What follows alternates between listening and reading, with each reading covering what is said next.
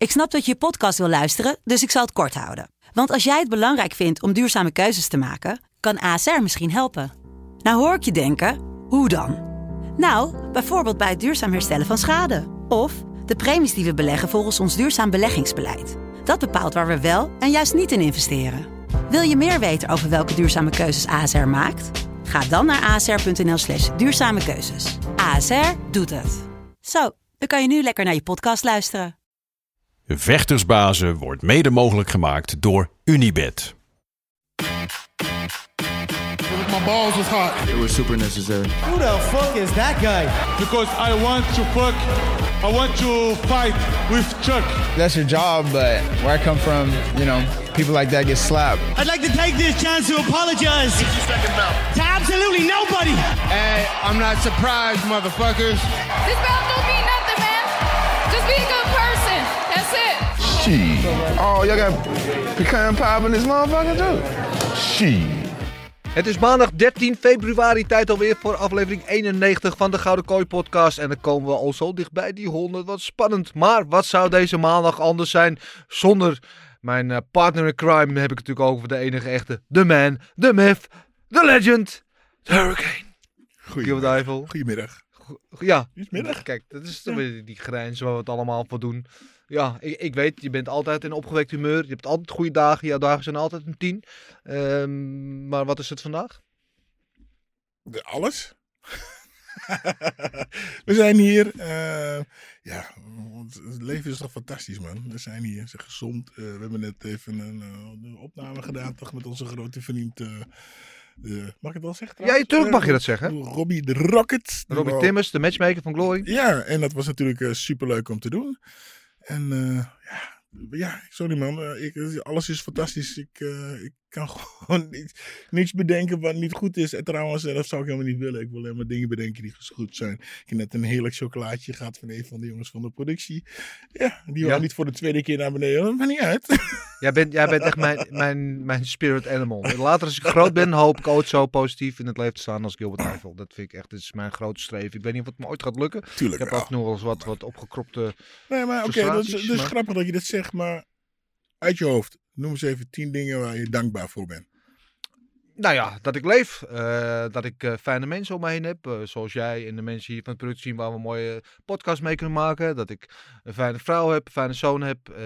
dat ik een mooie baan heb. ehm, dat ik geniet van de sport waar we, die ik en beoefen en waar we veel over praten en waar ik in werkzaam in ben.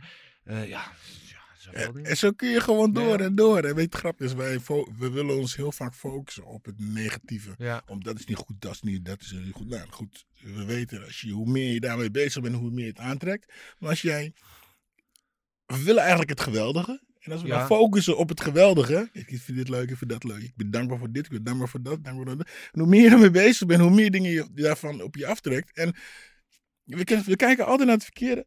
Kijk gewoon wat er is, wat er geweldig is. Ja. zo wordt het allemaal steeds beter en steeds beter en steeds beter. Want we, we, we willen geen negativiteit, we willen leuke dingen. Maar we zijn altijd bezig met wat we niet willen. Dus ja, en dat is wat je net deed, is leuk man. Je kan, ik even, eh, als je eventjes niet eh 100 voelt of je, whatever, en je voelt je negatief. Ja. Denk eens aan alle dingen die je hebt. Je kan op de snelweg rijden. Ik ben blij dat het asfalt is. Dan zou mijn auto niet Ja. hè? Dus ik ben blij dat er verkeerslichten zijn. Anders knallen we op elkaar. Ben blij dat ik... Whatever. Je kan gewoon van alles bedenken hoe geweldig het is. Nee, maar dat is waar. Toch vind ik klagen gewoon, en niet omdat ik dan negatief het leven sta of alles negatief zie, maar ik vind klagen gewoon af en toe lekker. Ik Ja, klaag klopt. graag. En, en, en het is ook een soort van ventilatie, lucht altijd op. Als ik even lekker over iets ga kankeren, dan ben ik ook gewoon, is ook Ja. eigenlijk een soort van meditatie. Daar is eigenlijk een beetje een, eh, een verslaving. Ja, Het, het geeft je, een, ja, het geeft je een, een gevoel van wat je herkent. Wat, Ja. wat herkenbaar is. Maar probeer maar eens een dag niet te klagen. Ehm, probeer Ja. je lichaam daar maar eens, en je, je mind daar eens maar eens overheen te zetten. Van, moeilijk. Vind ik echt moeilijk. Ja, het is, dat is ook Ja. moeilijk. Het is ook niet makkelijk. En daar doen we. Hè? Mediteren doen we. Hè? Want eh, het is heel makkelijk om terug te vallen in het oude. In en als je terugvalt in het oude, krijg je nooit het nieuwe. Nieuwe. Goed.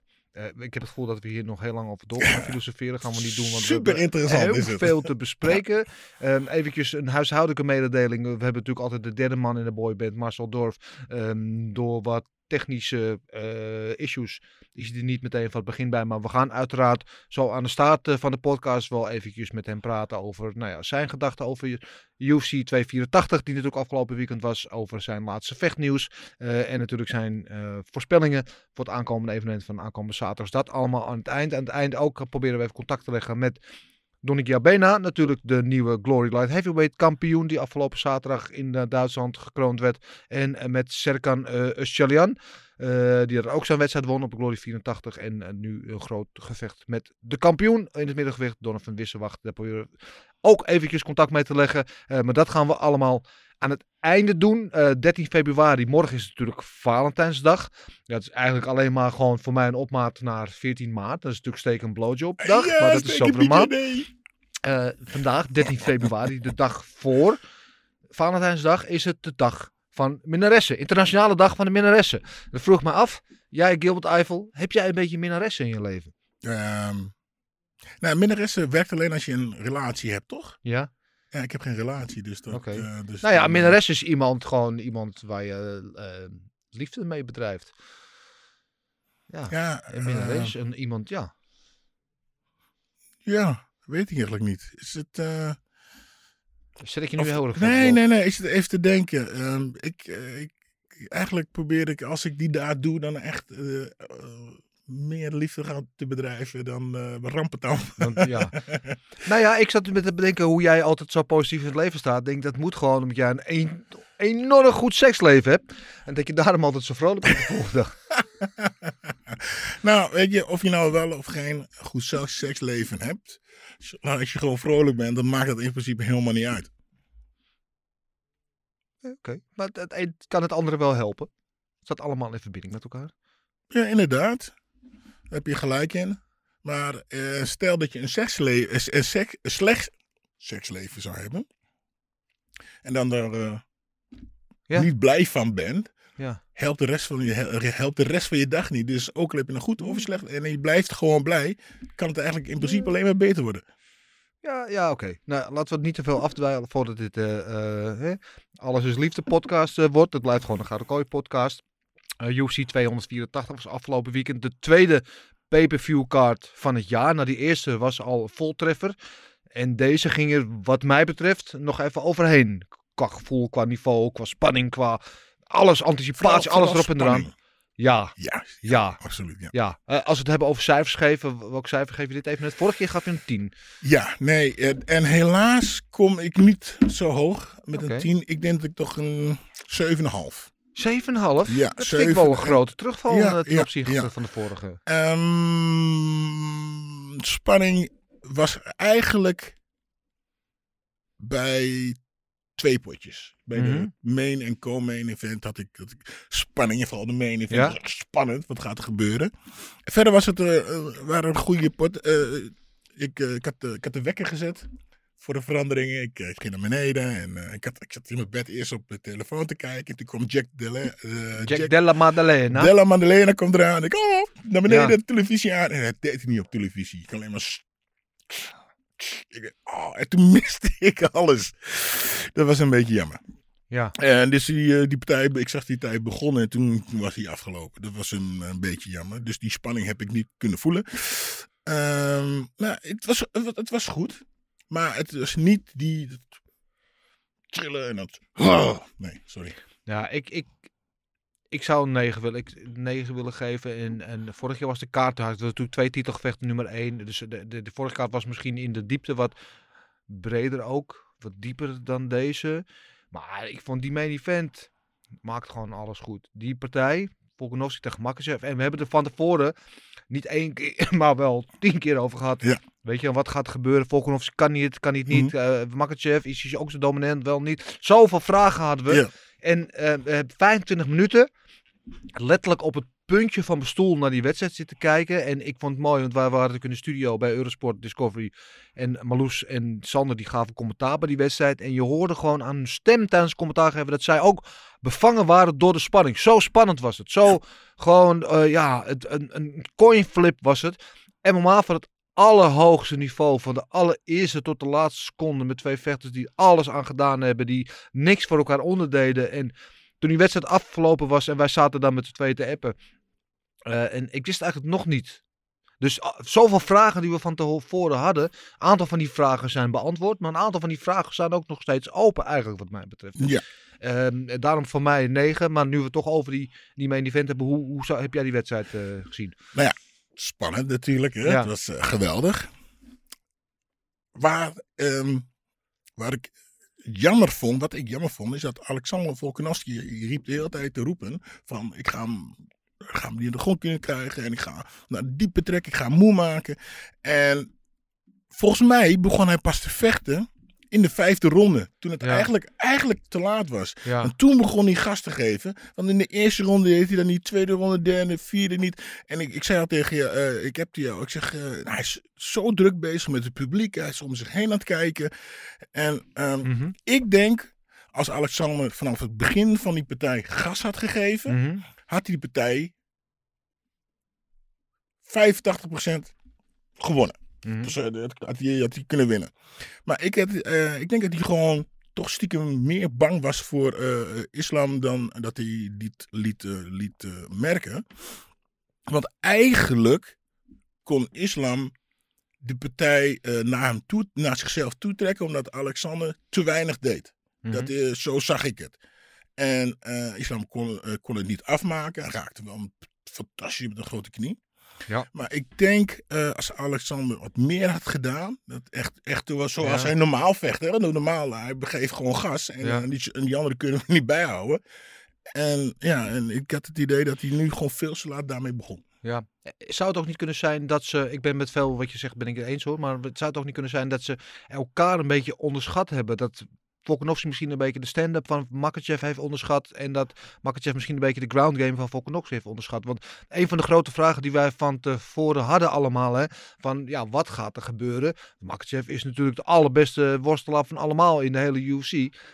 eh, eh, qua MMA worstelen, wat gaat er gebeuren als Makachev zijn handen op hem krijgt? Hij krijgt hem naar de grond wat gaat Volkanovski dan doen? En die test heeft hij wel eigenlijk in mijn ogen met vlag en wimpel doorstaan. Want hij bleef rustig, hij bleef kalm. Misschien iets te kalm, want dan was hij ondertussen een beetje aan het praten met het publiek bezig inderdaad hij zei. Maar eh, hij is eigenlijk op de grond in die hele wedstrijd mm, eigenlijk niet in gevaar geweest. Inderdaad, ja. ja, inderdaad. En ik denk ehm, dat eh, waarschijnlijk voor Alexander eh, zoveel op de grond gewerkt dat even was vergeten hoe hij staande moest vechten. Ja, ja. ja dat, dat kan. En, maar dat vond, dat vond ik vooral veel heel interessant om te zien. Hoe hij gewoon rustig bleef. Hoe hij op een gegeven moment zelfs ook de, de, de moed kreeg om zelf een beetje Een takedown aan te een proberen takedown te proberen. En op de grond de dominante positie te proberen te pakken. Weet je wel. Waar eh, in het begin dat hij alleen maar probeerde te verdedigen en op te staan. Dat hij op een gegeven moment zoveel vertrouwen kreeg. Dat hij zelfs het andersom ook aandurfde. En dat vond ik echt een eye-opener. Want dat heeft tot nu toe helemaal niemand bij Makachev kunnen doen. Dat.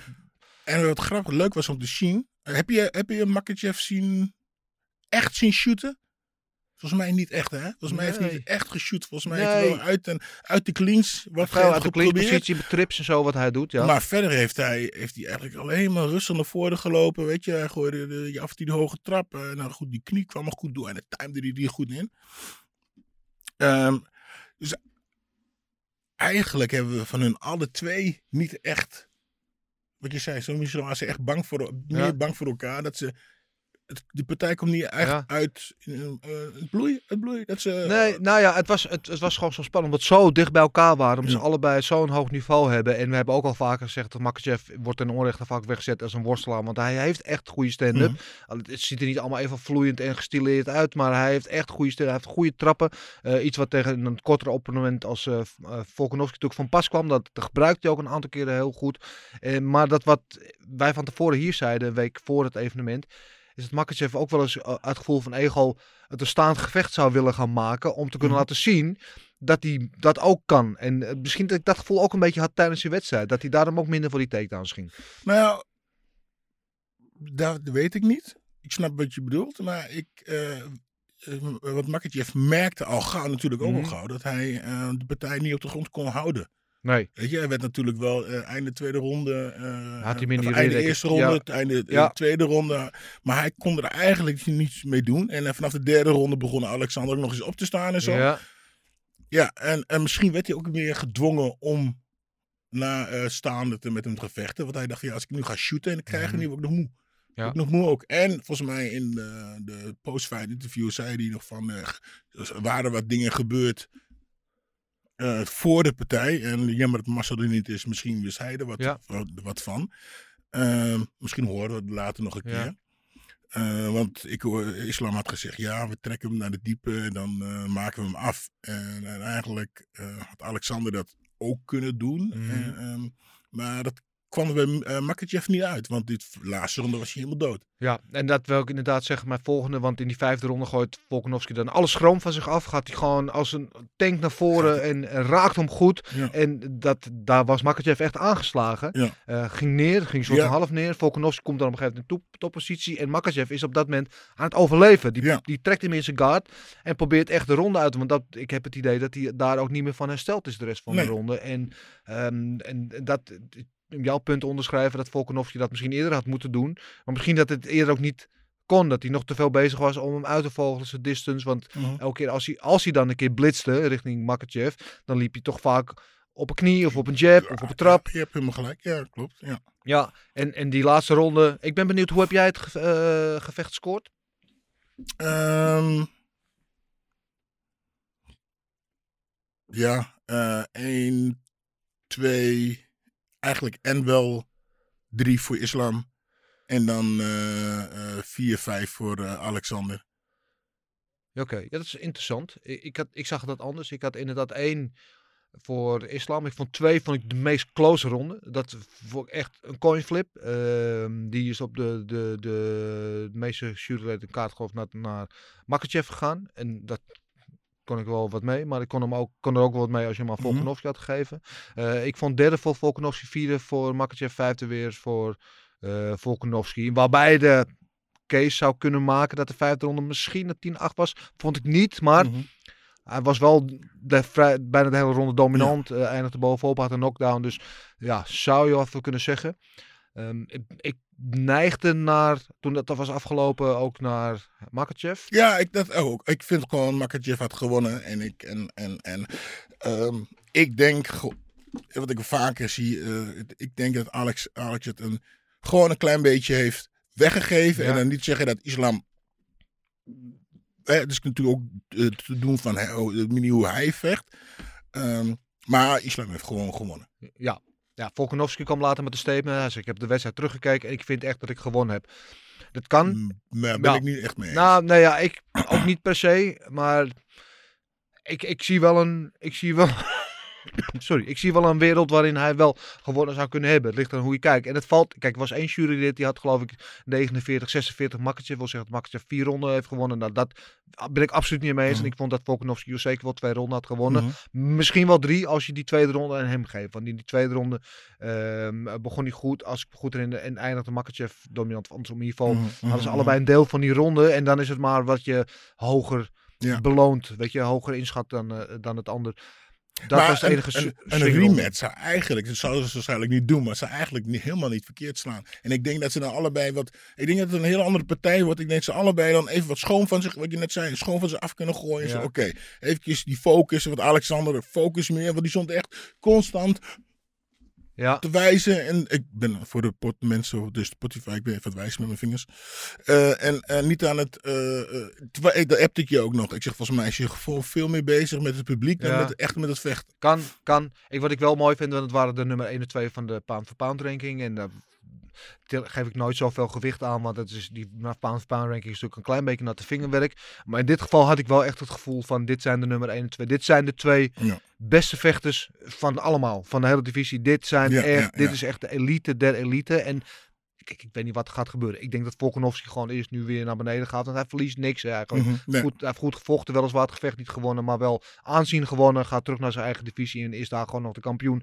Maar ik zou het niet erg eh, vinden om deze gasten nog, een keer. Ja, of absoluut. of ja. misschien wel net als Moreno en Figueiredo eigenlijk ook. Die zitten zo dicht bij elkaar. En, alle, en afgezien van dan die laatste keer waarin Moreno zich wel echt onderscheidde. Maar al die gevechten waren zo close de hele tijd. En dat was, is met hun ook. Dus Ja. ik, ik zie wel een mogelijkheid dat we hier ook weer een, een trilogie of een het. quadrilogie Ik krijgen. hoop het. Spannend. Ja. Ja, ja, Ja. absoluut. Geweldig. Maar ja, die heeft absoluut. ik heb wat- Soms van die partijen waar je zo naar uitkijkt, daar vallen ze een beetje tegen. Omdat je ze in je hoofd zo groot maakt. Maar deze heeft absoluut niet teleurgesteld. Deze was echt fantastisch. Echt, eh, ja. Ja, dat is grappig. Ik, had, ik zat, ik zat, ik zat, ik had te klappen. Ja, Voor de buis. Ja, geweldig. Het was echt, ja. En het is dan wel een beetje lullig, want die wedstrijd is dan vroeg in de ochtend afgelopen. En hebben wij de hele dag uitzending gemaakt. Ga ik naar huis toe.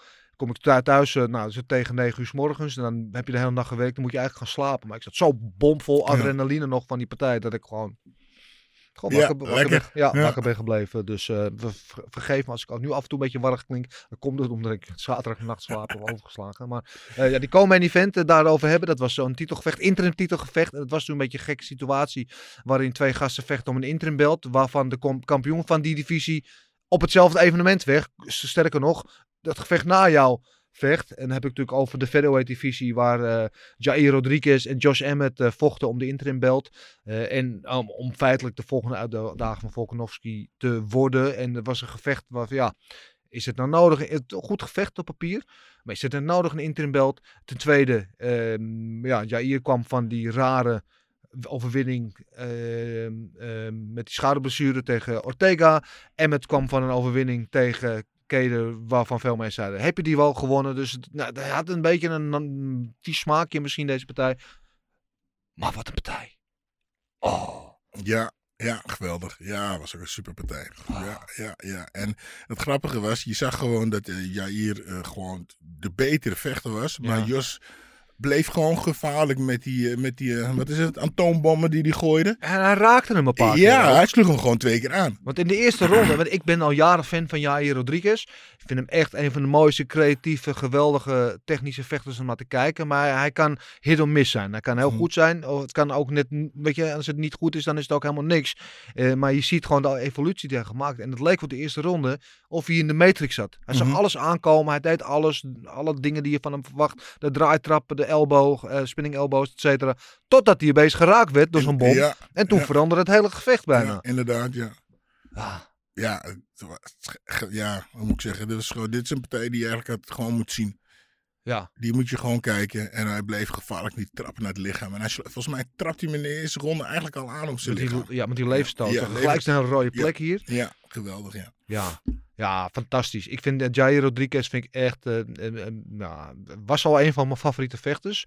Maar is wel met stip gestegen eh, Hm. op die, mijn pound-for-pound ranking, zeg maar. En, dan, en hoe, hoe ging hij naar de grond? Volgens mij maakte hij, volgens mij maakte hij nou een fout. Dat hij naar de grond ging. Nou, En hij, nou, was het niet, hij kwam met een gesprongen knie. Eh, Die Oh, was ja. raak. Die ging, eh, die, die, Emmet dekte hem met zijn kin, zeg maar. Ja. Maar eh, terwijl die, die dingen, toen pakte hij zijn Ja, been, toen deed hij een ja. takedown, instinctief. En toen kwam Rodriguez op de grond en, En- toen maakte hij het eigenlijk geweldig af. Ja, dat, ja, dat bedoel ik. Ja, Ja. Het is toch mooi omdat je dat die eh, toch in één keer naar de grond heeft getrokken. En toch meteen om kon zetten in die triangle. Ja, Ja, fantastisch. en mooi. En we hadden het voor met Chris Dekker, onze redacteur bij eh UC op Discovery, hadden we het voor het evenement erover. Dat Jair de betere ground game heeft. Want hij heeft ook wel wat submissions op zijn record staan. Maar al die submissions waren Voor die pre-UFC, Ja. voor zijn UFC-tijd. En dit was, nou we hadden het erover en prompt doet hij het. Heeft zijn eerste submission in de UFC en ja, schitterend. En dan, dat hij de kooi uitrent, natuurlijk naar zijn moeder. eh, weet je, en zijn vader is daarbij. Dat de hele emotie, ja je weet Ja, ik ben mijn zakken voor those kind of things. En- Hij, kreeg, hij kreeg wat hocus pocus van zijn moeder voordat hij begon. Zag je dat? Ja, mooi, mooi, mooie scènes. En hij gaat nu dus hoogstwaarschijnlijk tegen Volkanovski. En ondanks dat Volkanovski natuurlijk eh, drie ronden lang, of drie partijen lang van, Holl van Holloway heeft gewonnen. Waarbij die laatste keer echt heel beslissend was, heel definitief was. En Holloway vrij simpel van Rodriguez won. Wil ik deze Rodriguez wel heel graag tegen Volkanovski zien. Ja, ik ook. Ja, eh, als zolang eh Volkanovski weer op zijn eigen manier, hoe hij uiteraard altijd vecht, dan Ja. denk ik dat hij unstoppable is. Maar een p- fantastische partij Ja, zijn het zou een geweldige, zou Ja. geweldige wedstrijd zijn, zijn die ik wel wil zien. En ehm, voor wat het waard is, het is een interim belt, maar mooi. Mexico na Moreno, nu met Rodriguez, een tweede kampioen. Dus Mexico staat ook echt op de kaart. Ja. Geweldig. Leuk. Leuk voor ze. Ja, en er komt over drie weken komt er misschien nog een eh, Mexicaanse titel bij, hè? Dat denk ik niet, want als ik er een beetje zo door heb, doe jij op eh, een of andere vrouwenpartij. En dan- Ja, ja, Grasso tegen Shevchenko. Oh nee, dat gebeurt niet. Dan durf ik wel twee taboes op te zetten. Oh, lekker. Ja, nu al trek. Maar ja, geweldig. Comeen en Main, die waren allebei om van te smullen. Ehm daarvoor staat de wedstrijd. Ja, een van mijn favoriete vechters van het afgelopen jaar is gewoon een wrecking ball. Die man, Jack Ja. Della Maddalena, ook met een naam alsof hij uit een maffiafilm komt. Die gewoon bekend staat om zijn vernietigende stootkracht. Die gewoon eventjes met een rear naked choke wint van de goede grondvechter, Randy Brown. Die overhand right, hè, gooide die. hè? Ja, Ja, ja. Ja, en, Ja. en, en, poeh. en, en ik was van tevoren heel benieuwd. Randy Brown vind ik echt een hele goede vechter. Met die hele lange, die hele lange benen tot Mhm. hier. En ik was heel benieuwd hoe Della Maddalena tegen hem zou doen. Omdat, ja, toch zijn zwaarste opponent tot nu toe. Eh, Randy Brown eh, gedegen op afstand kunnen vechten, maar ook goed op de grond. En, maar ja, hij ging als een stoomwals, ramde die door hem heen. En toen hij hem raakte, die benen die gingen... Ja, ja, ja. Het zoveel rust. Hij straalde zoveel rust uit. Gewoon Ja. bewegen in en eruit. En gewoon achter hem. Hij werd wel één of twee keer geraakt, maar maakt niet uit. Hij bleef rust, met rust. En op het moment dat hij een moment, het moment dat er een moment was om wat te doen, gooide hij hem eruit. En, en, en ja, toen sloeg, sloeg hij hem al gewoon, uh, vloerde hij hem al. Met Ja. die eh, overhand right en uh, faceplant. En dan eh, een korte crown and pound. En op het moment eh, dat hij dat uh, René op zijn buik draait of op zijn knieën draait, dan zit hij zo om zijn nek heen. Zo snel en gecontroleerd. En uh, het is een, uh, een jongen die, uh, ja, ik denk dat hij heel ver gaat komen. Dat, dat, zit, uh, dat is een, een goed gedrilde machine. Ja.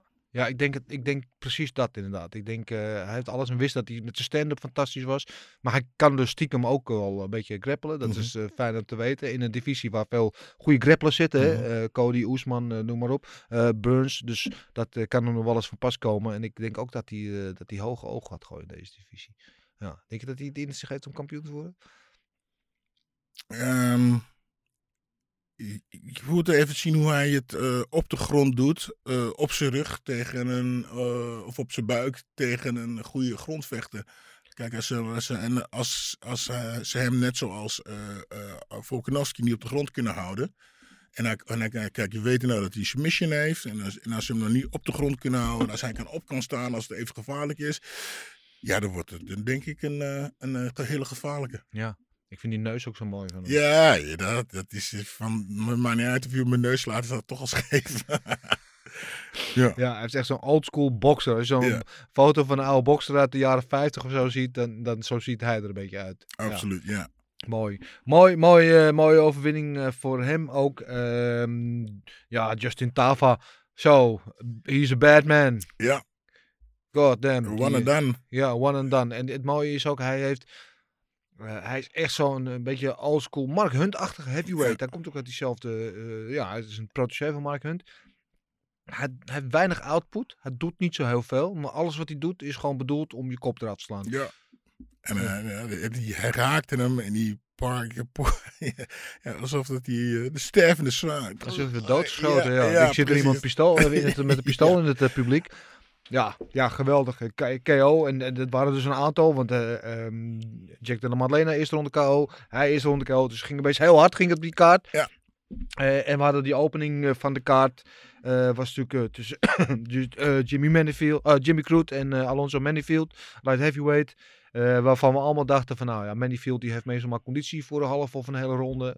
Als je hem niet knock-out slaat, dan gaat Crute dit winnen. Maar het was gewoon drie ronden lang een ongelofelijke slijtageslag. Ja, waar Alonso eigenlijk gewoon de betere vechter was, vond ja. ik. Ja, tot in de laatste ronde dat hij als een, uh, als, zo'n nachtvlammetje uitging. Ja. En dat was wel jammer, maar dan had hij volgens mij al genoeg gedaan om die eerste twee rondes gewoon te winnen. Ja, en hij, en hij, hij verliest hem uiteindelijk door de punt aftrekken. Ja, ja, de draw is het. Ja, ja, maar goed, zonder ja. die punt aftrekken had hij hem dan, ja, precies, ja, had hij hem dan gewonnen. Maar wat een ongelooflijk hard heeft die Crude ook, want dat, nou, in de eerste ronde gaf hij heel veel. En van de tweede ronde was hij gewoon en uitgeput. En B, kreeg hij een paar van die kanonskogels op zijn snuffert van, van Manifield. En toen dacht ik, nou, dit is... Dit wordt, ik dacht, het wordt gestopt. Dit is echt zo'n ja. stukje er vandaan om ja. gestopt te worden. En hij hield vol en vocht zich toch terug in de wedstrijd. Eindigde nog in dominante positie. Wint dan die laatste ronde ook nog. Ja. Ja, en, en het is wel, eh, een beetje dom van Alonso 2 dat hij die de kooi grijpt. Maar goed, Eh, maar één, had hem een paar keer gewoon. eh, Jimmy was al klaar. En Ja. eh, dook hij er nog op. Hij had toch eigenlijk gewoon gezegd: kom maar, sta maar op. En had de scheidsrechter waarschijnlijk gezegd: nou, doe Ja. maar even niet meer. Nee, en, en eh, props ook eh, waar props nodig zijn voor de scheidsrechter natuurlijk, eh, Mark Goddard, die dat punt pakt. Want we hebben wel eens, weet je, wat waar we het vorige keer ook al hadden, dat scheidsrechter te veel waarschuwen Ja. zonder tot actie over te gaan. Hier was een, een fence grab die daadwerkelijk ook invloed op de wedstrijd had. Want eh, hij stopte zo de takedown, wetende dat als ik op de grond kom, dan heb ik een groot probleem. Ja, nou Ja. ja, en, en we zagen vorige keer met die, eh die kopstoot op Ja. de grond. eh, en, en nou weer, ik denk dat de, schei, dat de scheids eh, instructies hebben gehad om even wat strenger op te treden met deze dingen. En, Ik denk het ook, ja, en denk, consequenter te zijn. precies, en nu gaat, nou goed, iedereen denkt nu de volgende keer wel even na voordat ze die kooi grijpen. Ja, ja, goed. eh, ja, dus ook daar, eh, we moeten dat af en toe benoemen. Dus we klagen vaak op de juryleden, op de scheidsrechters. Maar als ze het goed doen, en hier eh, was een heel goed voorbeeld van een scheidsrechter die op de juiste manier ingreep. Ja. dat goed inschatten, is ook een van de allerbeste scheidsrechters in mijn ogen. Dus daar ook props voor, Mark Goddard. Ehm, ja, dat was de main card. We hadden natuurlijk een goede eh Pieter Prelim tussen Bukaukas en Tyson Pedro. Bukaukas die zich daar goed, goed eh, in- de wedstrijd weer vocht. Na een, toch een goed begin van eh, Pedro. Ehm wat er nog meer dingen? Heb jij nog eh, meer? eh, Ja, ik vond die eh, partij daarvoor, eh Josh Kulibau Ja. tegen die eh Armeen. Ja, En eh, die, ja, eh, was je aan het verliezen? Weet ik niet, maar ehm, de, die andere begon een beetje overhand te krijgen. En dan eh, krijgen we dan eh, die achterwaartse trap in zijn kruis. En dan maak je daarna gewoon even af met die submission die hij niet los wil laten. mooi. Ja, Eh, ja al met al weer een heel mooi event. Mooi. Het publiek in Australië. Ik heb wel één klein kanttekening daarbij. Dat bij het main event toen Makachev won. Dat het hele publiek hem uitvloot of eh, boede. Oh. Ehm, maar Volkanovski zei heel gauw van, eh, jongens, hou er eens mee op. En dat vond ik dan mooi aan Ja. Volkanovski. Wat een gentleman hij is. en Wat een op en top sportman hij is. Dat hij zijn eigen publiek tot de orde riep. Ja. Zelfde manier zoals eh, een maand geleden. Glover. Glover dat ook deed toen bij eh, ehm, eh, Jamal Hill. Dat, hij, dat Volkanovski dat nu ook. En ik vond het heel mooi om te zien. Want ik vind het eigenlijk... Natuurlijk, je, bent voor je, je moet je eigen favoriet toejuichen. En dan is de tegenstander de vijand. Maar uiteindelijk hebben ze het keurig uitgevochten. Mhm. En ik kan het niet eens zijn met de beslissing, maar dan moet je alleen maar respect hebben voor beide vechters die een hart eruit hebben gevochten. En vond het heel chic van Volkanovski dat het zo deed. En een klein eh, strafpuntje daar voor het verder toch wel geweldige Australische publiek in die eh Rack Arena in, eh, in Perth. Eh, ja, al met al goed evenement. Jij zegt 7,5, ik zeg een 9. Eh Fighter Night was volkomen terecht natuurlijk de main event. Islam Makachev tegen Mhm. Alexander Volkanovski. En eh performance wat een uitboden. Ze waren er voor Jair Rodriguez met die geweldige submission. En ook voor Jack Della Maddalena ook al met een submission. En als je dat mij van tevoren had gevraagd dat dat ging gebeuren, Echt hè? Dat- waar. Ik had ook op KO. KO, KO, ja. had ik je uitgelachen. Maar goed, eh, dat het geheel terzijde. Eh, mooi momentje was er eventjes eh, ook een tweede Hall of Fame inductie van dit jaar, Jens Pulver. Heb je oh ja, ja, je ja, heb ik niet meegekregen, maar ik, ik weet natuurlijk wie dat is. ja. Ja. Ja. Ja, ja. Wa- Wat schiet je te binnen als je aan Jens Pulver denkt? Nou, twee dingen.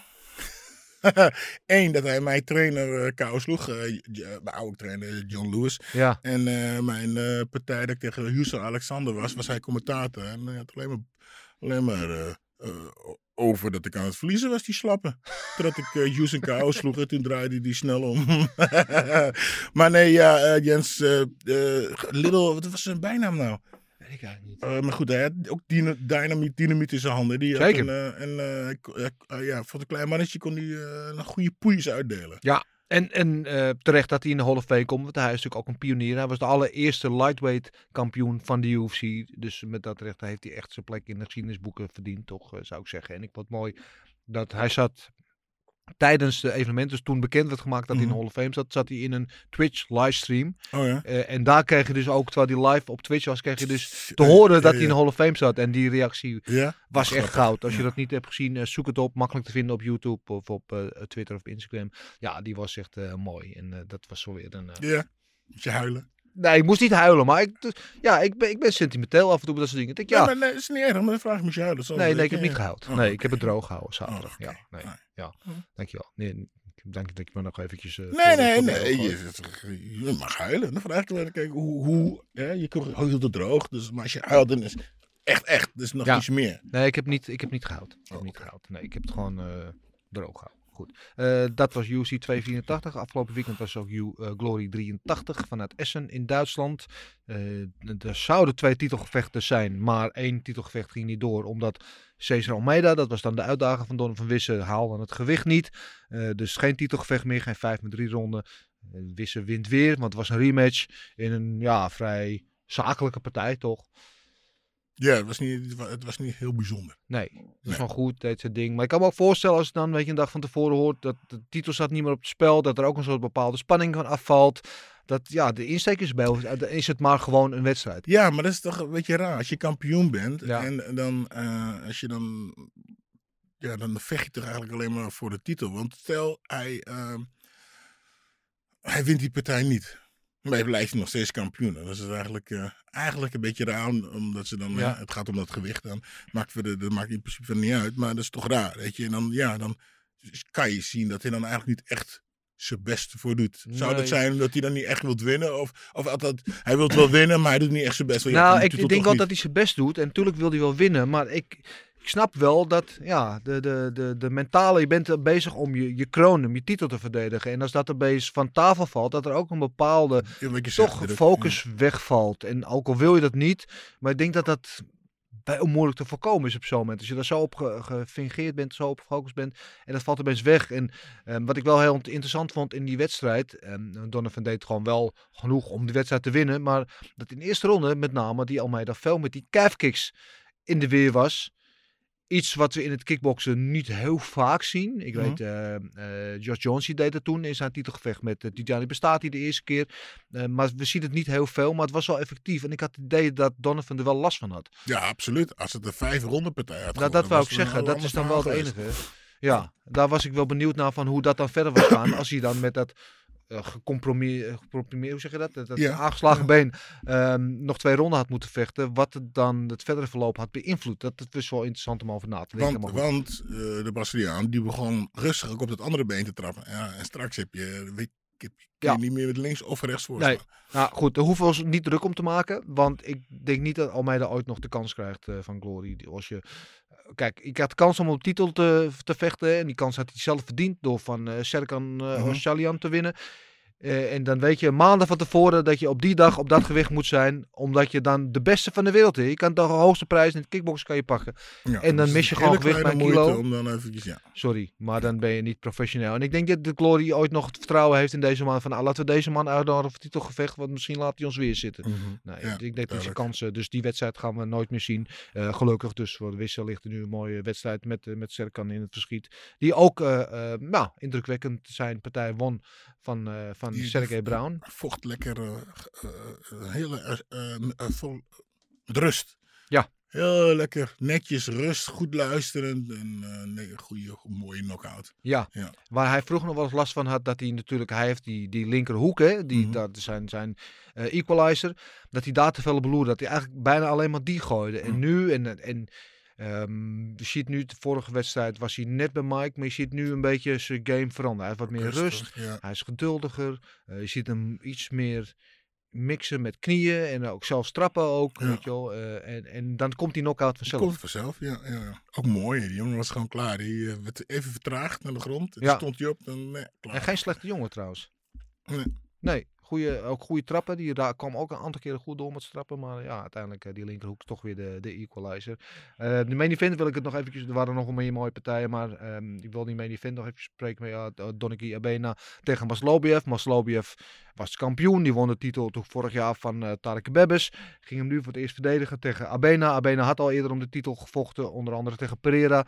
Ehm, eh, toen ging het niet goed. Eh, tegen Vakitov was hij er heel dichtbij. Kreeg nu zijn kans. En ehm, het was, vond het een hele leuke wedstrijd. Ik vond het goed om te zien hoe Abena gegroeid is. En tegenwoordig bij SB Gym van Said El Badawi. Ehm, het was een hele close partij. Het was een leuke wedstrijd.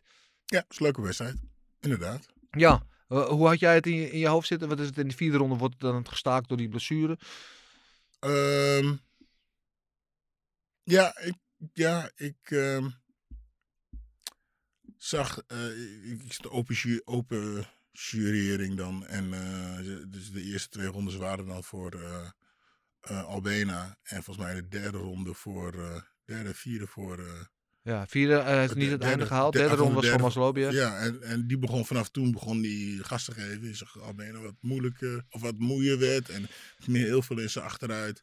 Ehm, ja, dus ik had... Ehm, ja, ik had wel de eerste twee rondes voor. Nou goed, ik ga er maar in mee. Ja. ja. Um, maar uh, ik had wel het idee dat uh, Maslobiev het, de partij naar toe gaan trekken was. Ja. In die derde en, helemaal, en, en toen in de vierde ronde. Ja, het was mooi vooral te zien. Het was een mix van stijlen. Want je zag Donnicky kwam heel goed door met zijn, met zijn boksen en met zijn knieën vooral. Waar Maslobia veel met die low kick aan het werken Mhm. was. En dat zou misschien later in het gevecht wel een factor gespeeld kunnen hebben inderdaad. Maar ja, dan wordt het gestaakt vanwege een scheur in zijn scheen. Het is ook altijd kut om zo je titel te verliezen. En het is Mhm. ook altijd een anticlimax als een titelgevecht zo eindigt. Dat is altijd, maar ja... eh, dat is de doktersbeslissing. Hè? Dat, eh, we hadden het met Robbie in de podcast ook over. Ehm en Maslobia was heel boos. Die liep daar echt schuimbekkend. eh, de klodders eh, schuim vlogen door de ring heen. Was hij heel boos. Ging ook meteen de ring uit daarna. Ehm, en, en is boos op Glory. En dat is dan iets wat ik dan weer niet helemaal begrijp. Ik snap dat je teleurgesteld bent. Maar ja, Glory kan daar toch verder geen kut aan doen. Nou, heeft ja, klopt. Eh Glory kan er niks aan doen. En ook daar hadden wij net over met eh, Robbie. En eh, ja, dat is natuurlijk de keuze van de dokter. En dan, en die dokter heeft natuurlijk alle licenties, maar dan is, ja, de dokter met licentie, is het nou, is het een vechtdokter of is een huistuin- en keuken huisvrouwdokter? Eh, en ehm, ja, ik denk als je een, een dokter zou zijn geweest die al meerdere partijen heeft gedaan op dat niveau en die weet, eh, eh, nou zo'n scheur is vervelend, maar we kunnen nog wel eventjes, dan kan zo'n partij het anders Ja. uitzien. Ik zat inderdaad te denken, zo, wat zei die scheid, die dokter, die kijkt in die wond en die dan valt. valt oh nee, stop maar. Maar nee, ja, dat is dus eigenlijk eh, een beetje zonde. En we hadden het erover, dat zou toch eigenlijk dat ze dan een vaste dokter heb- eh, hebben die gewoon meerdere eh, partijen, en die ook dan, de weten, het is een titel, titelgevecht, weet je, die staat heel, valt heel, is heel veel, eh, hoe Heel veel op spel. ja, en dit is een partij van een nieuwkomer die zijn meteen zijn benen open. Ja, sorry jongen, je hebt het hier niet voor weggelegd misschien. Weet je, deze partij zou ik eerder stoppen. Maar hier zat zoveel op het spel. En deze jongen heeft eerder gevochten, heeft Ja. eerder zijn benen over gehad. Dus hè, laten we het even nog een ronde aankijken of zo. Ja. Nou ja, eh, eh, we hadden het er al over. dus maar één ding wat je eigenlijk... Het allerbeste wat je kan doen nu in zo'n geval... Als het zo eindigt, is gewoon rematch, toch? Ja, Ja. ja. goed. Dus, ja, ik denk het wel. Ja, Scott Rudman, de Glory CEO, zag ik op Twitter ook net. dit. Die zei van, we gaan dit gevecht zo snel mogelijk proberen te herboeken. Eh, en dat lijkt me het meest logisch in zijn geval. Helemaal, kijk, het is anders hè. Want ik, eh, eh, mensen zeggen van, een robbery vind ik niet. Want het was zo'n close partij. Mhm. Op de scorecard stond benen ook nog voor. Het is anders eh, als Maslobiev hem drie ronden in elkaar slaat. En hij verliest dan zijn titel op die manier. Nee, Ja. hij stond op de, de scorecard zo achter. Het was een close het was een echte wedstrijd. Ja, het, Dus- het was niet die vorige partij van hem. Nee, nee, nou ja. Kijk, ehm Abena is gewoon terecht kampioen. Want de regels zijn zo. eh, hij heeft gevochten voor wat hij waard is. Ja, eh, ja. hij heeft veel goede dingen gedaan. Ja. En dan weer op zo'n... Kijk, op zo'n manier... De wedstrijd winnen is nooit leuk. Ook voor hem niet, kan ik me voorstellen. Want je wil liever natuurlijk dat je hem kou slaat. Of dat je hem overduidelijke Mhm. punten slaat. Maar winnen is winnen uiteindelijk. Ja, nee, ik, ik, geef, ik, ik, geef, ik geef helemaal gelijk. Ik, eh, hij, won gewoon en eh, weet je, de, been scheuren. En kan, we, we hebben het overal gehad. eh, tot toedoen, misschien blokte hij goed of eh, trapte, trapte dingen op zijn knie. Dat is benen open scheuren. Dus ja, Ja. hij heeft gewoon gewonnen. Ja, eh, de volledige reactie overigens van Robbie Timmers, de Glory Matchmaker, die zit in de Vechtersbasis podcast. Die komt woensdag online, dus check dat inderdaad. Ik praat met hem onder andere over, nou, over deze wedstrijd en over de rest van Glory 83. eh, onder andere ook over de, toekomst van Badr. Hoe zit het daarmee? Hoe zit het met dat gekke Francis Ngannou verhaal? En nog veel meer. Dus check dat in ieder geval. Gilbert zit er ook bij. Eh, samen met Robbie Timmers en mijzelf eh, praten we uitgebreid eh, met hem. En dat was een leuk gesprek hè? Ja, wat gezellig. Ja, ja, ja, ja. dus uh, houd dat sowieso in de gaten. En voor nou, wat betreft Abena hopen we die later nog even te spreken om ook zijn kant van het verhaal te horen. Dus uh, houd dat ook in de gaten. Goed, dat was alles van afgelopen weekend. Laten we even heel kort in de glazen bol kijken wat betreft het matchmaken. Volkanovski en Makachev. Um, ja, het liefst rematch, maar ik denk dat we vooral vooruit kunnen gaan dat Volkanovski terug naar beneden gaat. Naar featherweight en dat hij daar uh, zijn belt weer wil unifyen tegen Jair Rodriguez. Dus laten we dat voor het gemak maar eventjes zo eh, beschouwen. Wat zou jij van Makachev willen zien in zijn volgende partij? Oeh, moeilijk. Ik zou. ehm, moeilijk, moeilijk, moeilijk. Want de- we hebben het eh, hier net, net nog niet over gehad. Maar. ehm wat Makachev dacht dat hij eh Volkanovski eventjes eh, uit elkaar zou trekken. En ik denk dat mensen, dat sommige vechters nu hebben gezien oké, Er is bloed in het water. er is bloed in het, ja, er is bloed in het water. Van oké, ehm, als, je, die- als je je niet op de grond kan houden en krijgen, dan wordt het een ander verhaal. Nou, nou weet ik niet wie er zo goed is Als Volkanovski. als Volkanovski. En ja, ik, ik heb eigenlijk, eh, ik denk dat Marcel eh, heel Gaan we goed... straks Want, aan hem vragen. want ja, tegen wie, eh, ja, ja, Charles Oliveira, nee, die heeft hij net gehad. Dustin Poirier. Nou ja, misschien Dustin Poirier, maar die gaat tegen... Eh Poirier is nog niet geboekt. eh, op dit moment. is- En Poirier eh, heeft wel zijn laatste wedstrijd gewonnen natuurlijk van Chandler. Ja. Ik denk dat hij, maar hij heeft ook wel al vaker om de belt gevochten. onder andere tegen, tegen Khabib en tegen Oliveira. Dus ik denk dat hij een- misschien nog wel een overwinning nodig heeft om weer, weet je wel. Want het UFC Ja, maar ja, wie is er dan, wie is dat eerste? nou, ik heb, twee, ik heb twee opties. Um, Makachev heeft ooit tegen Armand Sarukian gevochten. Dat was vrij vroeg in UFC-carrière, maar was Sarukian ook nog heel vroeg in zijn carrière. Mhm. En dat is eigenlijk tot op nu tegen Volkanovski is dat de moeilijkste wedstrijd van Makachev geworden. Die was heel close. Makachev Mhm. won wel een beslissing. Maar Sarukian maakte hem daar heel moeilijk. En dat is een wedstrijd. En Sarukian heeft zich ook ontwikkeld. Die zou ik nog wel een keer willen zien. Ik denk dat dat stylistisch gezien een moeilijke match is. Mijn andere suggestie zou zijn, we krijgen binnenkort Oliveira tegen Benil Dariush. En Dariush is nu volgens mij op, eh, ook op een 7 of 8 fight Ja. winning streak of zo. Als Dariush da- daar wint, dan zou ik dat heel graag willen zien. Want dat is iemand die eigenlijk ook overal goed is en. Makachev wel problemen zou kunnen geven. En dat is een nieuwe matchup. En ehm, mocht Oliveira dat winnen, dan kan je gewoon de rematch doen. Want Ja. Oliveira eh, is natuurlijk wel ja, nog steeds eh, een van de... de Degene met de grootste staand verdienst in die hele lightweight divisie. Dus ik zou nou, een van die. Of de winnaar van Benil tegen Oliveira. Of misschien dat Sarukian. Maar ik denk dat Sarukian nog wel een gevechtje of twee weg is van een titelgevecht op dit moment. Ja, oké. Eh, ik snap wat je zegt, maar ik, ik denk van, van hun, Charles Oliveira denk ik ook wel, maar dat ik denk... Dat, ik denk dat de, kijk, eh, ik denk als Charles uh, eh eh, Destiny naar de grond kan, kan krijgen, dat het een andere knokpartij gaat worden. Ja. Denk ik. Maar goed, eh, ja, eh, oké, dan ga ik mee met Daniel. Oké. Ja. Eh, eh, overigens wil ik nog wel één ding over Makachev zeggen. Eh, er is bloed in het water, jazeker. Volkanovski heeft laten zien dat hij zeker ook op de grond niet eh, feilloos is. Dat, hij, Mhm. dat hij te verdedigen valt.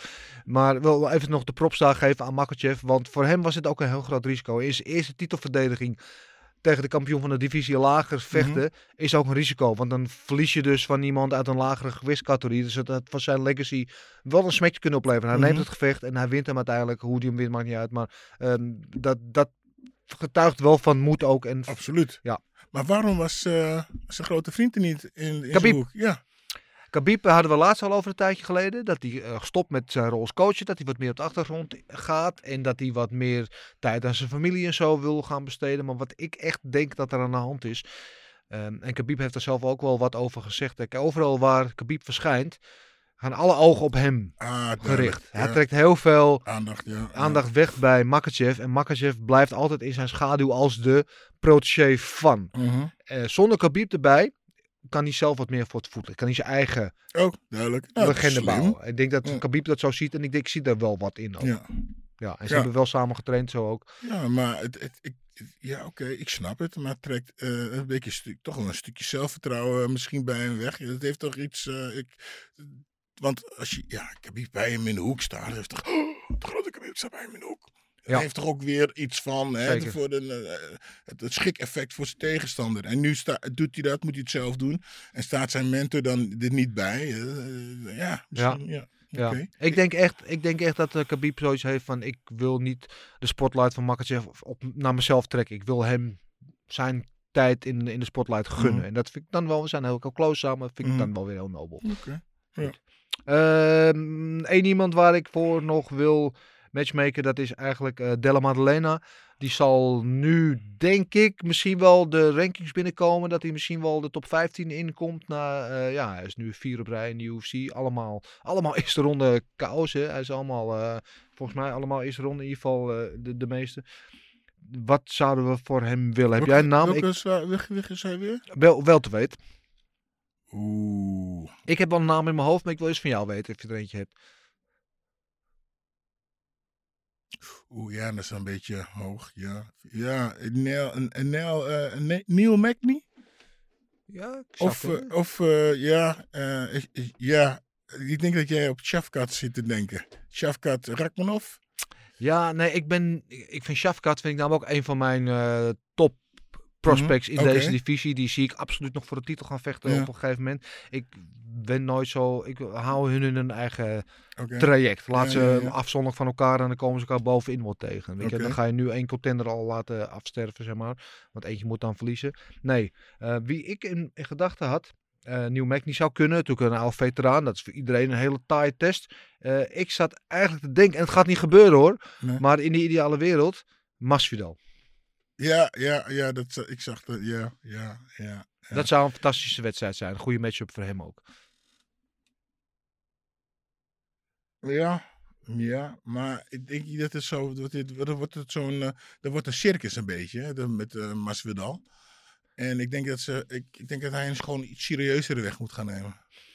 Ja, ja dat zou kunnen. Eh, waarom ik niet denk dat het gaat gebeuren, omdat Masvidal natuurlijk nog steeds ehm, dat gevecht met Leon Edwards in zijn hoofd heeft. En als Edwards van Oesman wint, dan heeft Edwards gezegd van dan wil ik wel tegen Masvidal. Want die Mhm. hebben nog steeds dat free piece in de soda van, weet je, die, die verknoppartij bij ja. backstage in Londen een keer. Eh, en Masvidal heeft er nu al drie op rij verloren. Dus die kan een verliespartij niet riskeren. Die moet er eerst eentje winnen om überhaupt in beeld te komen voor het titelgevecht. En De La Maddalena is dan wel echt groot risico voor hem, denk ik. Maar ik zou het wel een toffe partij vinden. Ja, ik ook. Ja. Ja, oké. Nou, eh, in ieder geval eh, een grote naam is het volgende voor, eh, voor JDM, zoals ze zeggen. Want ja, zoals ze zegt, hij beukt zich letterlijk een, week omho- een weg omhoog in die welterweight divisie. Die toch wel weer eh, inderdaad eh, met de Shafkat, eh, met de Kamsat, met de Madella Maddalena en nog een paar toch alweer een paar nieuwe toekomstige sterren. of toekomstige, maar ja, nieuwe sterren zich aandienen daar. Dus dat is wel echt vet. Goed, laten we naar de vragen gaan. We hebben weer in overvloed vragen van jullie gehad. Van onze trouwe kijkers en luisteraars. We waarderen jullie allemaal evenveel. Kusjes en hartjes. Eh, we beginnen natuurlijk zoals altijd met eh, onze OG-vraagsteller Jan van der Bos. En die vraagt zich af. Gilbert, heb jij ooit wel eens een gruwelijke nutshot geïncasseerd of uitgedeeld? Ehm ooit een keer uitgedeeld. Dat was met de training met Lucien.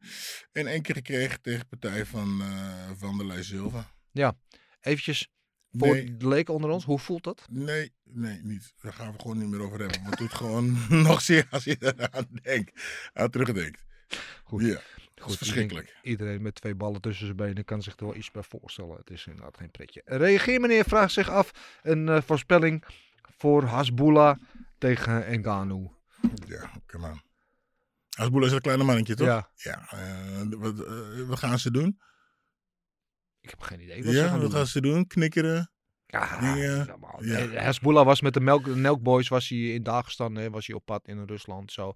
Ehm, nou, maar hartstikke leuk. Het is een goed, eh, het is goed vind je om een beetje aandacht voor die sport te trekken. Het is, maar, laat ze dit, als, laat ze het een beetje, Ja. laat ze het klein beetje serieus over vecht houden. Ja. Maar, ja, oké. Ehm, Erwin Spencer Fuckman bij Volkanovski op lightweight. Of gaat hij terug naar featherweight en tegen Rodriguez vechten? Wat is beter voor hem? Nou ja, eh, hij kan gewoon alle twee. Want had, ja, zoals hij, hij vocht. eh, eh, hij was de, een- de enige die, het, die, de, die de, kampioen moeilijk maakte. Ja. Dus hij zou, hij zou in principe alle twee kunnen. Ja. Ik denk dat hij nu eventjes terug gaat om toch nog eventjes de titel te verdie- verdedigen. Eventjes een winst pakken en dan kijken wat het volgende is voor hem. Ja, ja, eens. Ik, ehm, ik denk dat zijn toekomst op, zeker op lightweight ligt, dat daar de grotere gevechten voor hem liggen. Maar hij heeft nog genoeg te doen in die featherweight divisie. Eh, Rodriguez is nu de interim kampioen. Je hebt nog eh, Arnold Allen, je hebt nog Topuria die erop komt. Eh, er zijn echt wel een paar goede contenders nog waar hij nog niet tegen heeft gevochten in de featherweight divisie. Dus hij is nog niet klaar, maar ik denk dat zijn toekomst op, op lightweight ligt. Uiteindelijk. Ehm, Gus Bierens vraagt zich af, is het wekelijks mogelijk om wekelijks de gok op knokken tussenstand op Instagram te zien. Ik denk dat dat wel te fix is. Dat we elke week eventjes een, een visual dan wel op Instagram of eh, ergens eh, kunnen laten zien. Gaan we, gaan we in de groep Leuk. gooien. Maar ik denk Ja, dat dat leuk. zeker moet kunnen. Overigens, daarover gesproken. We hebben ook nog steeds die Verdict MMA gok op knokken league. waar jullie ook gewoon allemaal mee kunnen doen. En dat doen een hoop van jullie al. Maar doe je nog niet mee, schrijf je ook daarin. Dat is leuk. En dan kunnen we ook. dat doe je ook met ons samen direct mee. Nu hebben wij een beetje onze eigen league. Want daar zitten we gewoon allemaal op de grote hoop. Dus. Moissa vraagt: Zijn jullie verbaasd over hoe Jair won van Josh? Ik had verwacht dat Josh zou winnen. Ik had ook meer verwacht van het main event. Niemand ging voor de kill. Hoe zagen jullie dat? Ehm, ja, verbaasd eh, dat Jair won met submission. Ja, wel een beetje. Wel had ik niet verwacht. Nee, dat ik ook. Ik had verwacht dat hij had gewonnen. Dat Ja. hij zou winnen, maar niet met de submission. En trouwens, ik had verwacht het onbeslissen. Dat een, eh eh, dat, eh, zou winnen op punten. Ja. Ja. Ja, ja. Ik, was, ik was wel een beetje verbaasd over. Dus, al weten we dat Jair wel een ground game heeft. Maar ik dacht, dit wordt echt een stand-up battle. Ja. En dat was zo. Was een goede partij. Eh, eh, ja, ik had niet meer verwacht wat main event. Ik vond het gewoon een geweldige wedstrijd. Dus, eh, maar niet iedereen eh, is altijd door alles te pleasen. Ehm, Benny Wemering vraagt zich af. Ik kijk pas een jaartje MMA. Dus don't, don't judge me. Zullen we nooit doen. Maar wat betekent pound for pound? Nou, pound for pound is ehm, de, de ranking van alle divisies door elkaar. Je hebt natuurlijk normaal de nummer 1 van de, van de lightweight, de, de welterweight, de middleweight, et cetera. Eh, maar de pound for pound is de ranking van alle divisies door elkaar. Dus wie is over alle divisies de beste? Ja. En eh, dat- dat- dat was Volkanovski. Ehm, ik weet niet of ze dat nu gaan veranderen in Makachev. Want die stond wel op het spel. Hè? Dat hadden ze zo Mhm, afgesproken. mhm. Dus zoals nu misschien Makachev naar voren schoot. Maar het is degene die gewoon overal gezien eh, de meest dominante vechter is van alle divisies bij elkaar. Dat is de pound for pound, kortom. Anthony van der Ven, zou er een rematch komen en wat zouden jullie daarvan vinden? Dus heb je het over Volkanovski Ja. en Makachev, denk ik. Ja, daar hebben we al gezegd, dat kunnen we nog wel vier keer zien, hè, denk ik. Ja, absoluut. Ja, en ik denk dat we die ook zeker nog wel een keer gaan krijgen. Ehm, BTC for Life 1. Hoe wordt pound for pound bepaald? Ja, dat weet ik ook. Dit is mee. Ja, ik heb geen idee. ja, dat wordt een beetje grof gezegd. Ehm, nou, ja, de kampioenen staan daar natuurlijk wat hoger, maar het wordt ook bepaald door de mate van tegenstand. Dus wie heb je verslagen, hoe heb je ze verslagen, eh, hoe lang heb je ze al verslagen. Ja. Gewoon een beetje die factoren. Dan gooi je het in een shakebeker en dus Hoe vaak je? ja, Ja. plas je eroverheen eh, en dan eh, krijgen, we, krijgen we de pound for pound ranking. Louis de Vruchten, wat vinden jullie van Volk versus Jair? Ja, lijkt me een geweldige Ja, wedstrijd. Ja, mij ook. toch? Ja. Ja, wil ik wel zien. Dat wordt... eh, Verdient ook, ja. ja, ja, 100%. Ja, je loopt ook al lang mee. Geweldig. Eh Dandy BJ, magische walkout van Volkanovski. Een van de mooiste aller tijden. Ja, leuk, maar een van de mooiste alle tijden. Dat is, nee, is natuurlijk geweldig om daar en met zijn liedje. Nee, mooiste alle tijden niet. Ik, ja, is leuk, maar. Ja. Ja. Ik, eh, ik vond hem heel mooi, maar er zijn, ja, er zijn, ik kan wel epischere bedenken ook, maar deze was wel mooi. Ik moet Ja. even, zo even daarover gesproken. Wel iets zeggen over de muzieksmaak van Volkanovski. Die is wel een tikje dub- dubieus. Kom, van, down, van een land down under? Nou, die is natuurlijk mooi. Het is ook een Ja, Australisch ja. liedje, dus dat, daar niks over gezegd. Nee, maar eh, de, ehm, je hebt eh, Alex Behoeyen, dat is een MMA-journalist ook. Die maakt die... ehm, eh, hoe heet het? Die, Ehm, hoe, hoe noemt hij dat nou ook alweer? Hij heeft zo'n rubriekje op Instagram, is hartstikke leuk. En dat is eh, Behind the Fighters eigenlijk. Dan vraagt hij elke vechter wat is je favoriete kleur, wat is je favoriete eten, wat is nou, enzovoort, je favoriete gevecht en al favoriete film, et cetera. En een van de vaste dingen is ook, wat is je favoriete eh, artiest of band of liedje, bla bla bla. En Volkanovski is dat dus ook in die rubriek. En die zei, ehm, nou als jij denkt Volkanovski, wie denk je dat zijn favoriete artiest is? Katy Perry. Justin Bieber. Oh, echt waar? Ja, Justin Bieber, want die heeft een hoop bangers. En er staat ook een Mhm. clipje op Instagram van Volkanovski die luidkeels de Backstreet Boys aan het zingen is. Oh. Ja, maar dat is veel. Het erg is dat als, eh, als hij hier het liedje af de Backstreet Boys opstaat, dat je Ga je ook mee gewoon- zingen? Dat je stiekem gewoon de tekst kent. Ja? Ja, jij, jij toch ook? Ook al wil je niet toegeven. Ik zou het echt niet Dat- kunnen bedenken. Zo. Nee, nee, dat je, dat, je, dat je hem hoort en dat je gewoon stiekem aan het meezingen bent. Je denkt van, damn. Ik denk trouwens over Justin Bieber gesproken dat ik niet één liedje kan opnoemen. Ik heb geen idee. Nee, nee, maar ik had over de Backstreet Boys. Ja, oh, ik heb heel, dat is lang geleden hoor. Ja, nou, door Volkanovski weet ik het dus. eh, ja. Ja. maar oké. Maar dat gezegd, dat, eh, maar het was een goede walkout.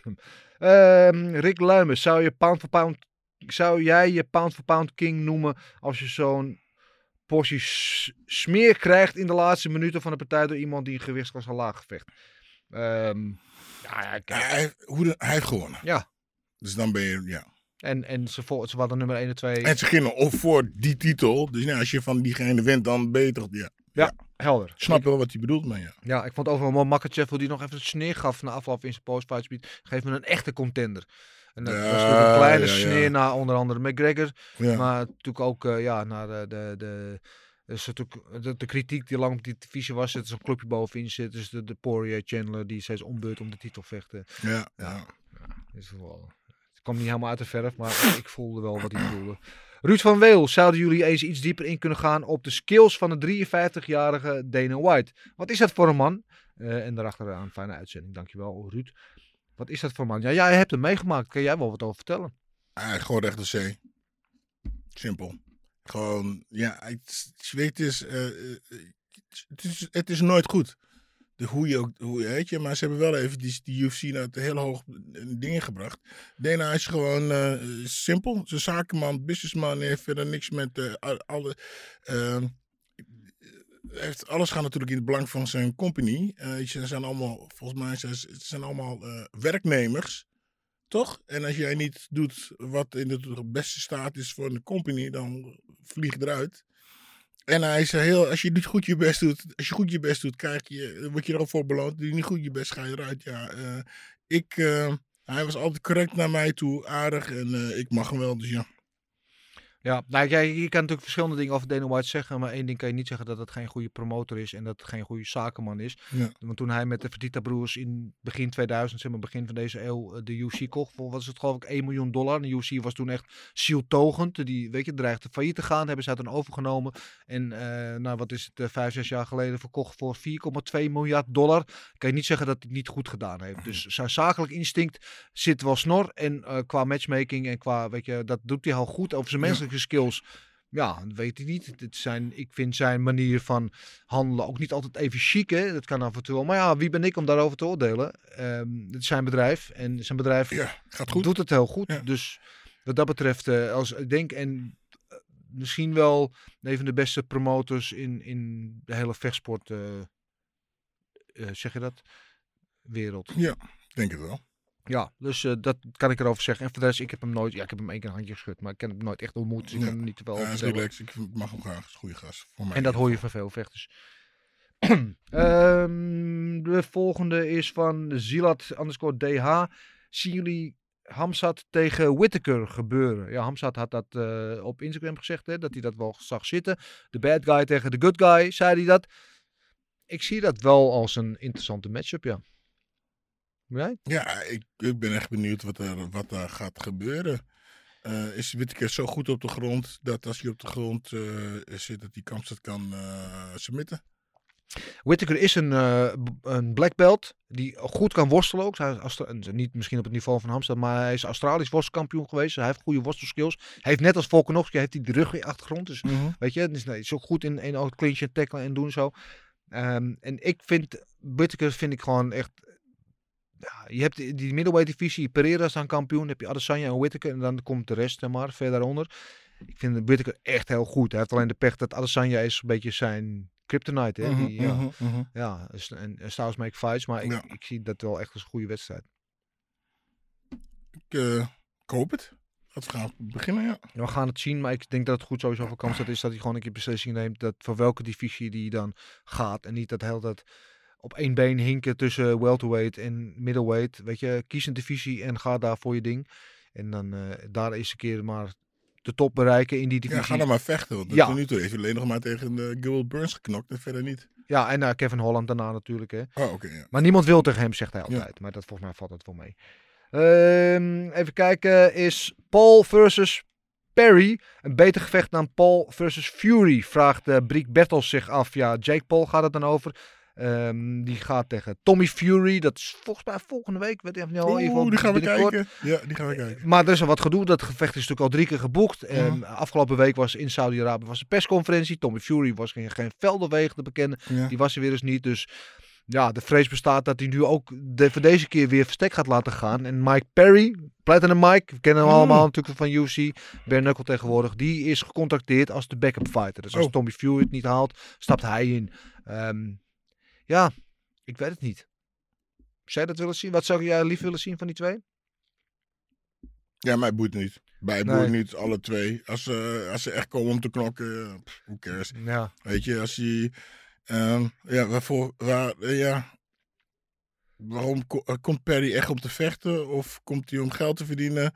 Weet je, het is natuurlijk goed, het is weer een goed verhaal. Hij verslaat weer een MMA-vechter. Weet je, net zolang tot hij een echte, echte bokser mag. Ik weet het ook niet. Dat heb ik ook, want die mythe is, nou, hij kan niet van de echte bokser winnen. Dus dat, in die zin zou ik dan liever Tommy Fury willen, want dan even, kunnen we hem een keer zien tegen een echte bokser, hoe die daar doet. Aan de andere kant, Mike Perry vind ik wel. Mike Perry is wel iemand die, denk ik, het gevecht beter promoot dan eh, Tommy Fury. Want hij is natuurlijk niet op zijn mondje gevallen. Hij is een kleurrijk figuur. eh, en komt wel echt om te beuken en te knokken altijd. Dus ja. Ja, we hebben het al. Laat maar zitten. Ik, dit vind ik allemaal niet. Nou, goed. Anyway, we zullen zien wat er gaat gebeuren. Rens underscore K. El Pantera's cardio was beter dan voorheen. Ik ga gelijk met de Mexicaanse accent Mhm. praten.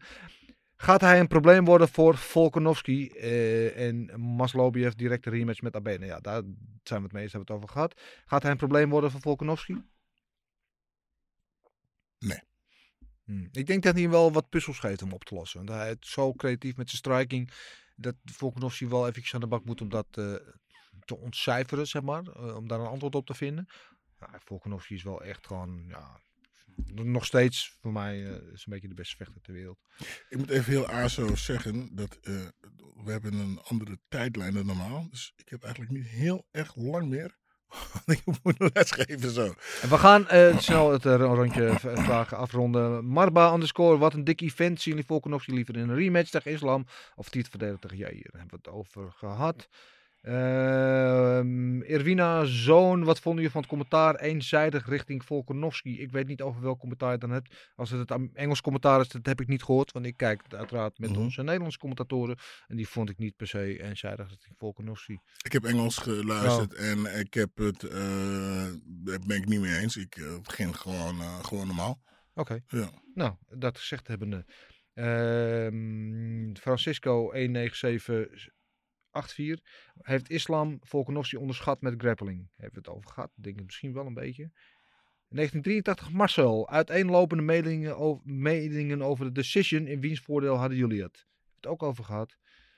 Ehm, uh, Jay Romal, welke andere MMA-YouTubers kijken jullie naar? Niet. Nee, ik ook niet. Geen één. MW.57211. Drie minuten lang kreeg Islam klappen op zijn hoofd terwijl hij zelf niets deed op zijn rug. Wie moet dan de ronde winnen?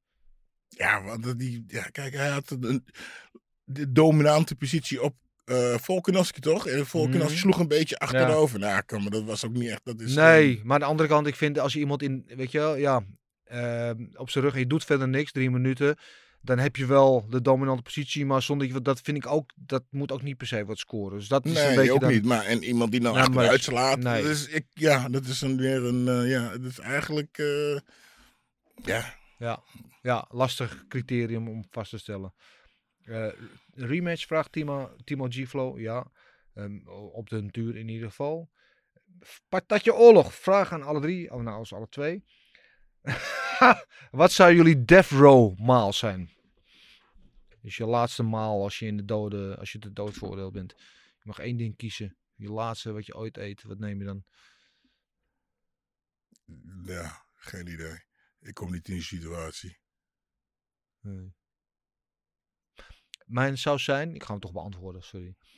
Iets dat ik, ik heel simpel, wat ik het allerlekkerst vind, is een entrecote, mooi rood gebakken, met verse huisgemaakte Bearnaise saus, met Franse frietjes en een lekkere vette sla. Dat is vind ik gewoon, daar kan je mij even wakker maken.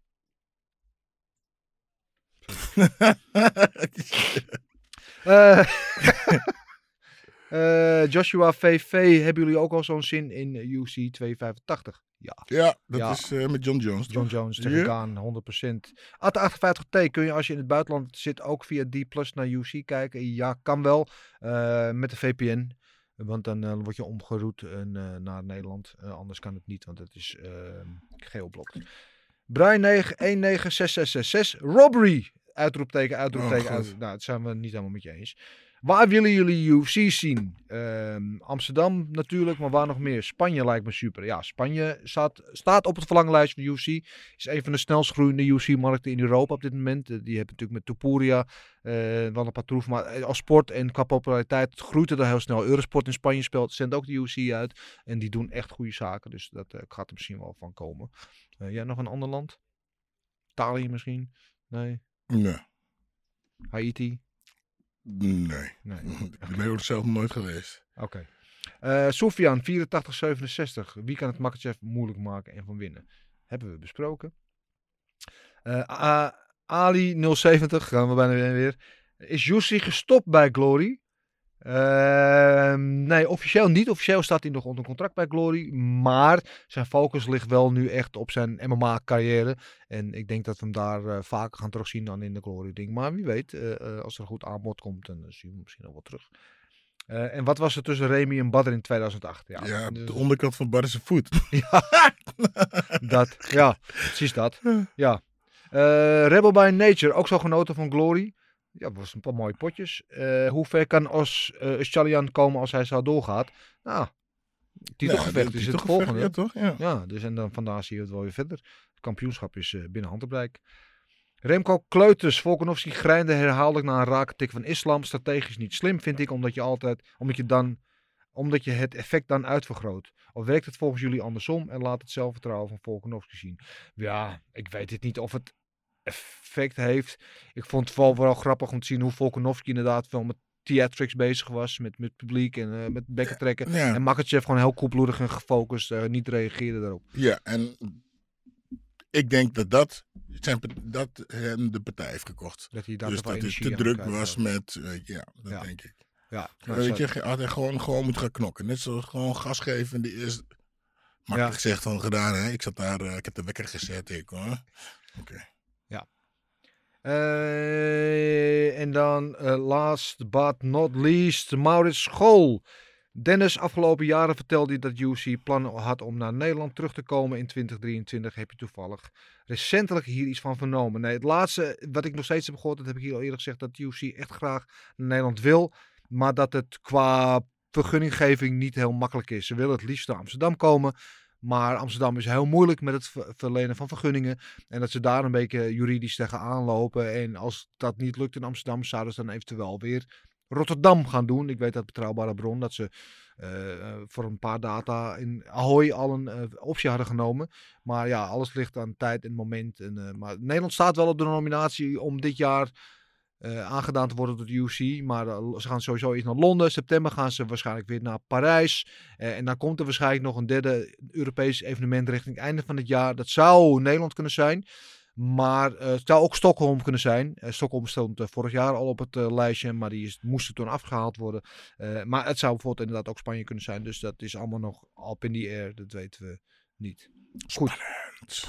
Ehm, dat waren alle vragen. Bedankt weer voor het inzenden. Stuur ze allemaal vooral in via de DM's op Instagram en Twitter. Of via de mail op info.vechtsebazen.tv. En dan nemen we ze allemaal mee. Het eh, vechtnieuws van Marzo krijgen we zo meteen. Dat eh, fietsen we er apart in. Eh, en dan gaan we nu eventjes samen met Gilbert gokken op knokken. Gokken op knokken. Gokken op knokken. Ja, kun je dat ook niet gewoon met Marcel doen zo meteen? Wil je dat eh, apart met Marcel doen? Ja? Ja, zo slecht. Oh, ja, zo maar, zo maar. Oh. Ja. ja, ik wil het wel even benoemen hoor. Ja, dat snap ik wel. Ja, goed. Eh, normaal gesproken, ik neem dan even de rol van eh, penningmeester Marcel over. Maar heel kort gezegd, ehm, ehm, was de winnaar van de week zit eh, eh, aan tafel hier in een Adidas jasje met Argentinië logo erop. Eh, het was niet Gilbert Eiffel, dus daar kan ik er wel over zeggen. Ehm, maar ik had eh, 18 punten. Eh, ah, 8 punten, sorry.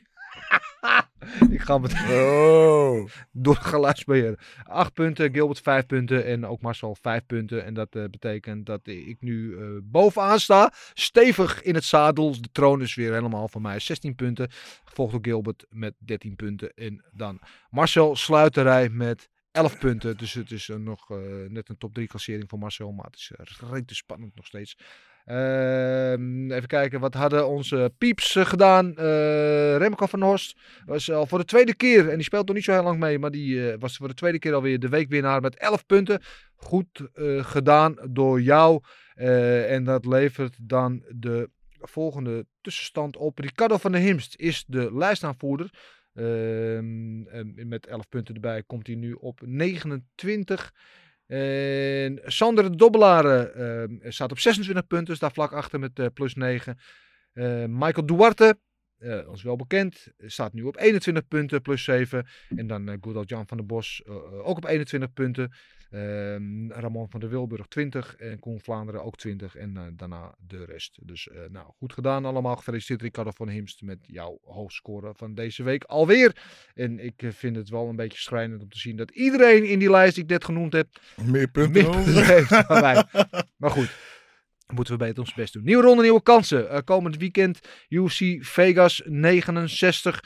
Waar eerst de main event zou zijn eh, Vera tegen Sandhagen. Die werd ervan afgehaald. Toen werd de main event Blanchfield tegen Tyler Santos. Eh, Tyler Santos is er vanaf, dus nu is de main event ehm, Jessica Andrade. Die op het laatste moment invalt om in de main event, main event te vechten tegen Aaron Blanchfield. Eh, en Andrade is daar wel eh, vrij behoorlijk de favoriet met min 180 plus 155. Eh co-main event is daar Jordan Wright tegen Zack Pauga. Ehm, daar is Pauga de grote favoriet, min 300 tegen plus 240. En Josh Parisian tegen Jamal Pokes. Eh, dat is een onvervalste Marcel Special. En daar is ehm Pokes de favoriet, min 230 tegen plus 190. Dat zijn de drie die wij gaan voorspellen. En op die kaart staat verder nog eh, William Knight tegen Marcin Parcino. Nou, Parcino natuurlijk met een Nederlandse link, met eh, Martijn de Jong in zijn hoek. En good old Jim Miller tegen Alexander Hernandez. daar ook nog op die kaart. Dat is eh, wel een mooie pot. Goed. eh, laten we beginnen met de Marcel Special. We gaan het straks aan Marcel zelf vragen. Maar Gilbert, eerst vraag ik aan jou. Wie wint die partij Parisian tegen Pokes? Eh Pokes, eerste ronde kou. Ehm, ik zeg eh Pokes door uitputting. nee, ik zeg mm, op Pokes op decision dan. Kunnen vrij kort over zijn. Ja, het is, ja, het is niet de beste kaart ooit. Maar eh, de main event vind ik wel heel interessant. Eh, voor de rest niet de diepste kaart. Maar goed, eh, you win some, you lose some. Alle kanonnen stonden afgelopen weekend in Perth. Zack Pauga tegen Jordan Wright. Pauga daar inderdaad de favoriet, zoals we al zeiden. Ehm, Marcel Dorf ze gaat hem zo meteen voorspellen. Uh, Gilbert Eiffel gaat hem nu voorspellen. En wat zeg jij over ik zeg Sek Pauga. Tweede ronde kou. Die wint de tweede ronde kou. Ja? Ja, Zack Pauga wint de eerste ronde kou. Ja. tweede ronde. Tweede ronde kou. Ja. Ja, ik, eh, ik, ik heb altijd sympathie voor Jordan Wright. eh, de Beverly Hills Ninja natuurlijk. Met ehm, onze Nederlandse... Eh, Anthony, eh, hè? Anthony? Anthony Hardonk, ja, in de hoek. Hij lijkt op een beetje op hem, hè? Ja. Hij lijkt, ja, hij lijkt inderdaad wel een beetje op hem. Dus daarom heb ik altijd wel iets sympathie voor Wright. Het probleem met Wright is altijd, die heeft altijd, hij heeft altijd fantastische eerste rondes. En altijd de oorlogen en daarna veet het vaak en dan verliest hij vaak. En eh Pauga is een powerhouse. Ik ja, ben ook geneigd om te zeggen Pauga. Ehm, eerste ronde doet eh, Wright het vaak wel goed. Jij zegt tweede ronde, zeg ik Pauga. Derde ronde, KO ook. Ja, en dan eh, de laatste wedstrijd, eh, de main event die we gaan voorspellen. Vind ik een hele interessante. Dat is die tussen Jessica Andrade. eh, bij de flyweights hebben we het over, want zij vecht natuurlijk in twee divisies eigenlijk. Ze doet ook nog in strawweight haar ding. Maar ze vecht nu weer op flyweight. Op het laatste moment tegen Aaron Blanchfield. En Blanchfield tiende gerankt. Is echt een groot talent. Die had daar grote doorbraak in ieder geval bij het grote publiek afgelopen jaar. Toen zij Molly McCann echt vermorselde. En eh, krijgt hier denk ik de grootste, nou, niet denk ik, de grootste kans uit haar carrière tegen oud-kampioen eh, Jessica Andrade. En eh, ik ben heel benieuwd naar deze wedstrijd. En het, ja, dit is ook haar kans om zich te laten zien dat ze echt bij die contenders hoort. Dat ze echt een kans heeft om door te groeien naar het kampioenschap, wat haar al langer wordt voorspeld.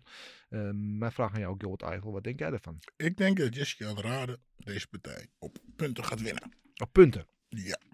Ja, ik ben al, kijk, als je de top wil bereiken, moet je tegen iedereen staan. En dan moet je ook van Andrade kunnen winnen. Dus dat uh, Blanchfield zeker niet dat ze kansloos is. Maar ik denk dat Andrade voor haar nu net iets te vroeg, te snel in haar carrière is.